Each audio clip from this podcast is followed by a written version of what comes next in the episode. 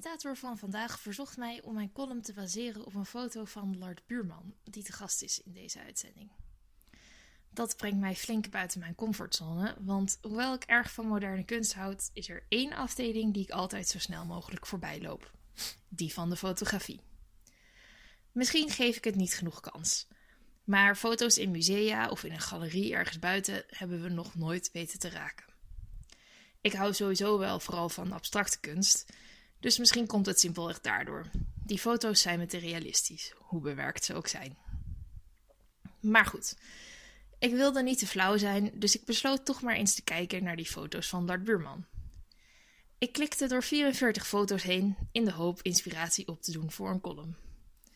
Pas toen ik weer terugkwam bij nummer 1 schoot er een associatie door mijn hoofd. Op de foto zien we, denk ik, een brug over een weg ergens in Afrika van de kopskant. Daar loopt in zigzag de weg naar beneden. Zoals je ook wel eens bij parkeergarages ziet. Het deed me denken aan een stuk speelgoed waar ik mijn nichtje van anderhalf laatst volledig in op zag gaan. Bij de speelgoedversie heb je ook van die zigzagbanen, met steeds aan het einde, een, einde van een schuin aflopende baan een gat naar de volgende baan. De bedoeling is dat je dan bovenaan een soort autootje zet, die bij elk gat omklapt en zo zijn weg naar beneden zoekt.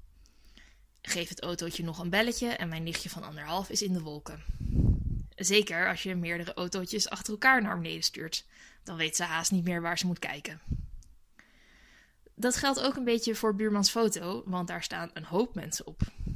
Elk met hun eigen verhaal en eigen leven. Ze waren er ook eigenlijk op andere momenten, maar al die levens komen nu even samen. Ik hoop dat ze niet net als de autootjes van mijn nichtje omvallen bij elke naar zag. Sommige zijn wel topzwaar gezien de spullen die ze op hun hoofd vervoeren, al lijken ze daar zelf niet per se van onder de indruk. Om zo'n foto te maken moet je denk ik goed kunnen waarnemen. Oog hebben voor het alledaagse, dat eigenlijk best bijzonder is. Ik denk dat mijn nichtje die eigenschap deelt. Die kan pas waarnemen. Totaal gebiologeerd zijn door zich, zag, zich, zag, zich, zag. En nog een keer. Zich, zag, zich, zag, zich, zag. En nog een keer. Zich, zag, zich. Ben ik u al kwijt? Als je anderhalf bent, is denk ik alles om je heen totaal fascinerend. Dat raken de meeste van ons later toch een beetje kwijt. Ik zou haast willen stellen dat mijn nichtje een topwaarnemer is. Maar de bioloog in mij gaat dan toch een beetje stijgeren.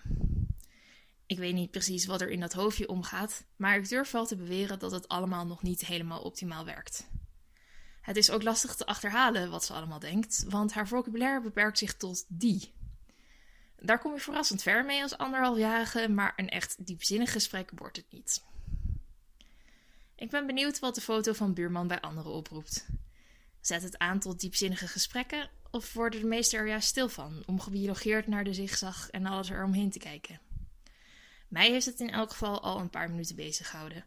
En over de foto zelf heb ik het eigenlijk nauwelijks gehad.